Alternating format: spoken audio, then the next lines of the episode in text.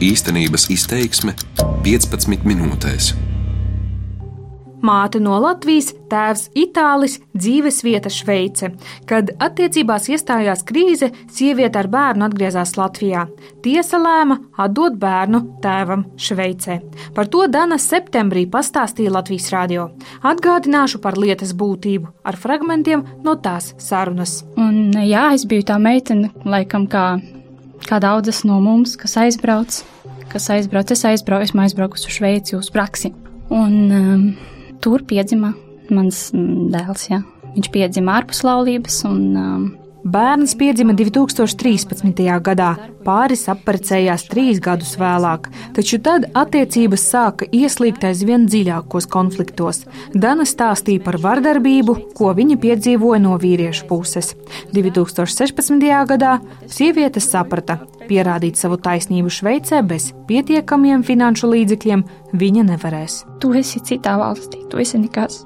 Un, ja tev nav naudas, tad tu esi vienkārši kā lupata. Tad Dana sāka bēguļot. Līdzi paņēmusi bērnu, viņa sākumā aizbrauca pie sava tēva Vācijā. Vēlāk, kā pati saka, vienojoties ar vīru, atgriezusies Šveicē. Bet sastarpējās attiecības pārim neuzlabojās, tāpēc pērns sieviete ar bērnu atgriezās Latvijā. Kāpēc Latvija? Kāpēc mēs aizbraucām uz Latviju? Ir tas, ka tā ir dzimtene. Ja? Te ir laikam drošība, ko vispār mums, mums uz to brīdi bija nepieciešama, un arī atbalsts no, no ģimenes un um, psihologi. Šovasar Latvijas tiesa, saskaņā ar Hāgas konvencijas tiesību normām, lēma atgriezt bērnu Šveicē. Tas bija jāizdara līdz oktobrim. Kā rīkoties tālāk, toreiz pirms diviem mēnešiem Dana vēl nezināja, bet bija apņēmības pilna turpināt cīņu. Dānas advokāte Jelena Verinska brīdināja, ja māte pati atgriezīs bērnu Šveicē, tad viņai draud aizturēšana un cietumsots. Problēma ar to, ka tiklīdz viņa šķēršos eh, Šveices robežu, bērns tiks atņemts, jo ir spēkā kamera. Te bija atgriešanās process, tā ir spēka Šveices tiesas spriedums, kā viņi atņemtas tā vecākas tiesības. Tieši tik koncentrētajā ziņas sižeta formātā es, Ella Simjonova, pagūvu pastāstīt pirms diviem mēnešiem. Šajā īstenības izteiksmes raidījumā es stāstīšu, kā notikumi šajā ģimenē attīstījās tālāk, un plašāk pievērsīšos jautājumam par bērnu nolaupīšanu civiltiesiskajā izpratnē. Iepazinos ar statistiku, tendencēm, problēmām un iespējamiem risinājumiem bērnu pretiesiskajai aizvešanai un aizturēšanai. Sākam. Nu, pirmkārt, pastāstiet, kas jūs esat. Advokāte Verīnska Iliena. Pārstāvu bērnu lietas gan Tieslietu ministrijas pusē pieteicējus, kuri lūdz atgriezt pret nelikumīgi aizvestus bērnus, gan atsevišķas lietas pārstāvu tieši otrādi vecākus, kuri aizvēduši bērnus. Mm. Šī advokāta pārstāvēja tiesāt Danas intereses. Dana savu dēlu, kuram šobrīd ir jau pieci gadi, aizvedusi no Šveices bez atļaujas no otra vecāka puses. Tiesa sprieda, ka bērns jāved atpakaļ, bet tagad. Ar Dānu ir izveidojusies tā situācija, no kuras principā es centos savus klientus vienmēr pasargāt. Dāna ar savu māti un dēlu izbrauca no Latvijas, taču devās nevis Šveices, bet gan Ukrainas virzienā. Kā minēja pati Dāna, pie smagi slimas radinieces. Uz Slovākijas robežas pēc advokāta teiktā Dānu aizturēja. Bērns bija ievietots bērnu nāmā, bija izsaukta valsts policija izsaukts tēvs. Tad ar valsts policijas starpniecību bērns bija nodots tēvam. Nu, un uz dotu brīdi bērns ir kopā ar tēvu. Arī bērna tēva advokāts Imants Mūžnieks Latvijas rādio to apstiprināja. Plašākus komentārus ne par lietas apstākļiem, ne par bērna stāvokli tēvs sniegt nevēlējās. Advokāte Verīnska uzsver, ka bērns un tēvs nespēja sarunāties vienā valodā. Cik viņam emocionāli tas ir smagi, man grūti komentēt, bet ir jāņem vērā, ka bērns tevi nav redzējis ilgāk nekā divus gadus.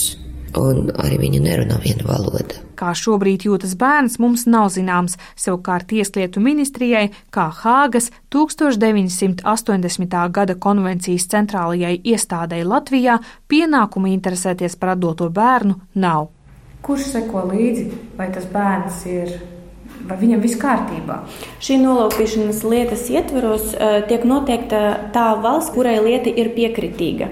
Nav pienākums sekot līdzi, kā jūtas bērns, vai bērns ir atgriezts vai ne. Atbild Tieslietu ministrijas starptautiskās sadarbības departamenta juriste Anna Čekanovska. Protams, mēs varam jautāt, ja ir kāds lūgums vai signāls, jautāt tai valstī centrālajai iestādēji par bērna situāciju. Ir arī gadījumi, kad mēs to arī darām, arī nolopīšanas lietas ietvaros. Pēc Tieslietu ministrijas sniegtajiem datiem līdz šī gada 1. decembrim no Latvijas ārzemju iestādes ir pieprasījušas atdot 19 pretiesiski aizvestus bērnus bērnus. Tas jau ir vairāk nekā visā iepriekšējā gadā un vairāk nekā 2016. gadā.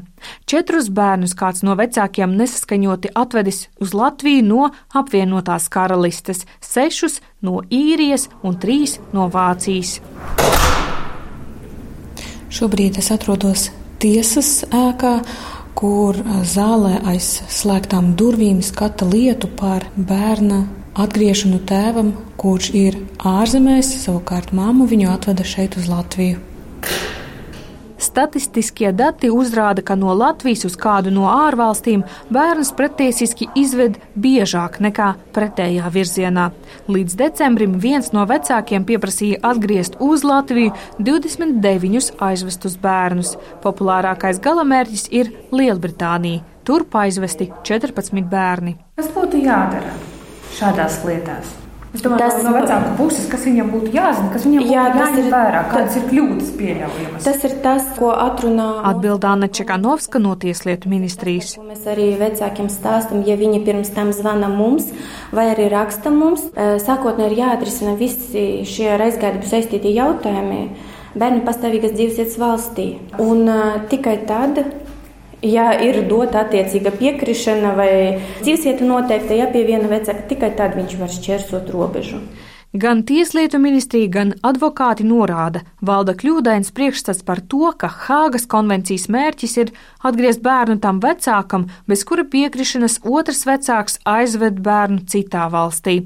Tas ir mīts. Starptautiskās vienošanās mērķis ir aizsargāt bērnu no psiholoģiskās traumas, nepieļaut, lai bērns tiek izrauts no viņa ierastās vides. Tam piekrīt advokāte Jelena Verinska. Šajās lietās tā kārtība kļūst stingrāka un vienveidīga. Aizvedi nelikumīgi, lūdzu, atgriež. Atgriež un tiesies tur, no kurienes tu aizbrauc. Lai tur tiktu skaidrība, vai tā ir par, pareizi piedarīts vai nav pareizi. Kad tur tiks skaidrība, tu vari braukt uz šeit. Un, principā, tas ir pareizi. Tas ir kā teikt, nevar ar saviem likumiem bast degunu svešā ģimene. No otras puses, tiesas vērtē katru gadījumu individuāli un automātiski visus bērnus atpakaļ nenosūta. Pāršķirstot paša vadīto bērnu nolaupīšanas lietu materiālus, advokāts Jānis Davidovičs atminas vienu tādu piemēru. Gadījums, kuru pieņemsim, paši bērni kategoriski atsakās atgriezties. Jā, viņi saka, viņi dzīvo necilvēciskos apstākļos, un viņi uz to valsti pie tēva atgriezties negrib. Tur nav bijusi vardarbība, tur bijusi faktiski sava veida uh, nabadzība, un viņi dzīvojuši uz grīdas, gulējuši uz kaut kādiem madračiem. Un, Nesen lieta gada laikā Francijā tēvs ir bijis no trešās valsts. Tie apstākļi bijuši tik tiešām nenormāli. Bērni tuvojās pusauģu vecumam, un tiesa ieklausījās viņu viedoklī, atteica viņu izdošanu un ļāva palikt Latvijā. Savukārt tēvam ļauts runāt ar Skype starpniecību un braukt uz Latviju. Taču gadījumi mēdz būt ļoti dažādi, saka advokāts. Man bija no patās viens gadījums, kur tiesa taisīs spriedumu, izbeidzot lietu, jo faktiski nu, izskatās, ka tur bija bijusi nu, vardarbība iekšā tieši vardarbība pret māti, kur bija atstāta, un viņa bija atgriezusies. Tad, kad bija tiesa, viņa jau vairāk nebija Latvijā. Viņa jau bija aizbraukusi projām uz to mītnes zemi. Šādi gadījumi, kad viens no vecākiem ir izlikts uz ielas un tāpēc bez saskaņošanas atgriezies ar bērnu Latvijā, vedina advokātu uz domām par to, ka būtu vēlams sniegt bezmaksas juridisko palīdzību abiem vecākiem. Saskaņā Hāgas konvencija šim te prasības cēlājam no trešās valsts tiek nodrošināta advokāta Latvijā pārstāvniecība, varbūt arī šiem atbildētājiem Latvijā arī pienāktos. Tas būtu likumā nostiprināt lietu. Jo savādāk sanāk, ka nu, Latvijā tomēr šīs mātes nu, dabū pa savu naudu algot advokātus, un daudziem nemaz šo līdzekļu nav. Šobrīd atbildētāji Latvijā var pretendēt uz bezmaksas juridisko palīdzību tikai tad, ja viņiem ir maznodrošinātās vai trūcīgās personas status. Bet, ja nē, ja nē, tad viņai jātiesājas tāpat kā man, pašam par saviem līdzekļiem. Bet varbūt ir kaut kāda iespēja vai tāda doma pieļauta, ka nu, tomēr pat cik tās lietas nav daudzas Tās ir sensitīvas. Un... Šobrīd vispār kopumā tiek vērtēts nākotnē konceptuāli juridiskās palīdzības apjoms kādās lietu kategorijās. Un nākotnē šī lietu kategorija arī varētu tikt apmaksāta no valsts budžeta, pieļauj Irēna Kucina, Tieslietu ministrijas valsts sekretāra vietniece tiesu jautājumos un Latvijas Universitātes juridiskās fakultātes asociētā profesore. Šis ir jautājums, kas tiek vērtēts, bet tas nenotiks ne, ne gada laikā, ne divu gadu laikā. Tomēr jau tagad mūsu valsts var apmaksāt juridisko palīdzību tam vecākam, kurš atrodas Eiropas Savienības valstī. Pieņemsim, ja mamītei grūtības īrijā, Vācijā, viņa gomā tiesāties, tur noteikti palīdzības apjomi, ko Latvijas valsts nodrošina, lai tiesātos citā valstī. Jā, tāda palīdzība ir tieši mūsu valsts piedarīgajiem. Tie ir tie bijuši grozījumi divus gadus atpakaļ. Lūk, cik man zināms, pagaidām neviens nav izmantojis šo kārtību. Šo palīdzību nevar saņemt valstīs ārpus Eiropas Savienības, tostarp Šveicē, taču Tieslietu ministrijas pārstāvi piebilst, ka tas nav akmenī cirsts. Ja Šveicē būtu notikusi tiesvedība par aizgādības tiesībām un valsts piedarīgais vērstos pie juridiskās palīdzības administrācijas, viņam varbūt neatteiktu. Taču labākais risinājums, ja vien tāds iespējams, ir vecāku vienošanās. Tas arī būtu mazāk traumējoši bērnam. Sazvanu klīnisko psiholoģi Anželu Kauškali. Jā, lūdzu, varam. No, lūdzu. Viņa atgādina, tieši bērns vecākiem skaidrojot attiecības, cieši visvairāk, un par to vecāki ļoti bieži aizmirst.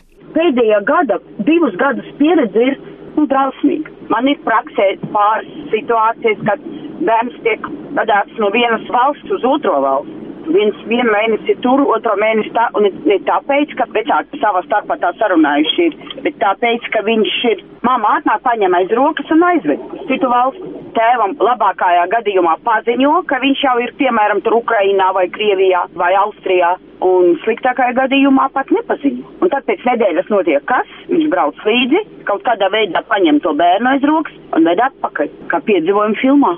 Lai arī materiāla sākumā pieminēto Danu sākotnēji Slovākijā aizturēja, šonadēļ viņa kopā ar savu māti atgriezās Latvijā.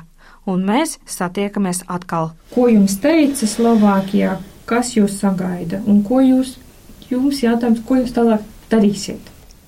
Slovākijā advokāts man teica, labāk nebraukt uz Šveici, jo tad eh, es tikšu arestēta un kā tajā orderī bija rakstīts uz pieciem gadiem.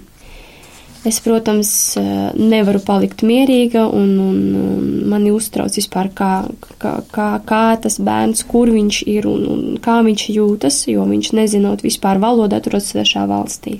Es meklēju advokātu Šveicē. Tas ir ļoti grūti. Es lūdzu Dievu, ja, lai pēc iespējas drīzāk es varētu satikt dēlu. Dana sagaida, ka tuvākā mēneša laikā viņu varētu izsaukt uz tiesu Slovākijā, kur visticamāk lems par viņas izraidīšanu Šveicē. Sieviete atzīst, ka ir pieļāvusi vairākas kļūdas, kas viņai dārgi maksājušas. To sarunas nobeigumā saka arī Danas mamma Vera Remeika. Mēs gribam, lai zinātu citas meitenes, tas vispār kaut domāju, kas. Ka tas ir pats svarīgākais arī mana sižeta mērķis - informēt par to, kas ir iespējams, Jā. un atturēt no nu, tādām lietām, kas pēc tam vai domā, nav vai es viņai arī savai meitai to teicu. Tā saka, pirms precēties vajag padomāt, Merci. kāda būs šķiršanās. Šis bija raidījums īstenības izteiksme, ko sagatavoju es, Ella Simjonova, un skaņu operatori Renārs Šteimanis un Krišjānis Stikāns. Darbības vārds īstenības izteiksmē izsaka darbību kā realitāti. tagadnē, pagātnē vai nākotnē, vai arī to noliedz.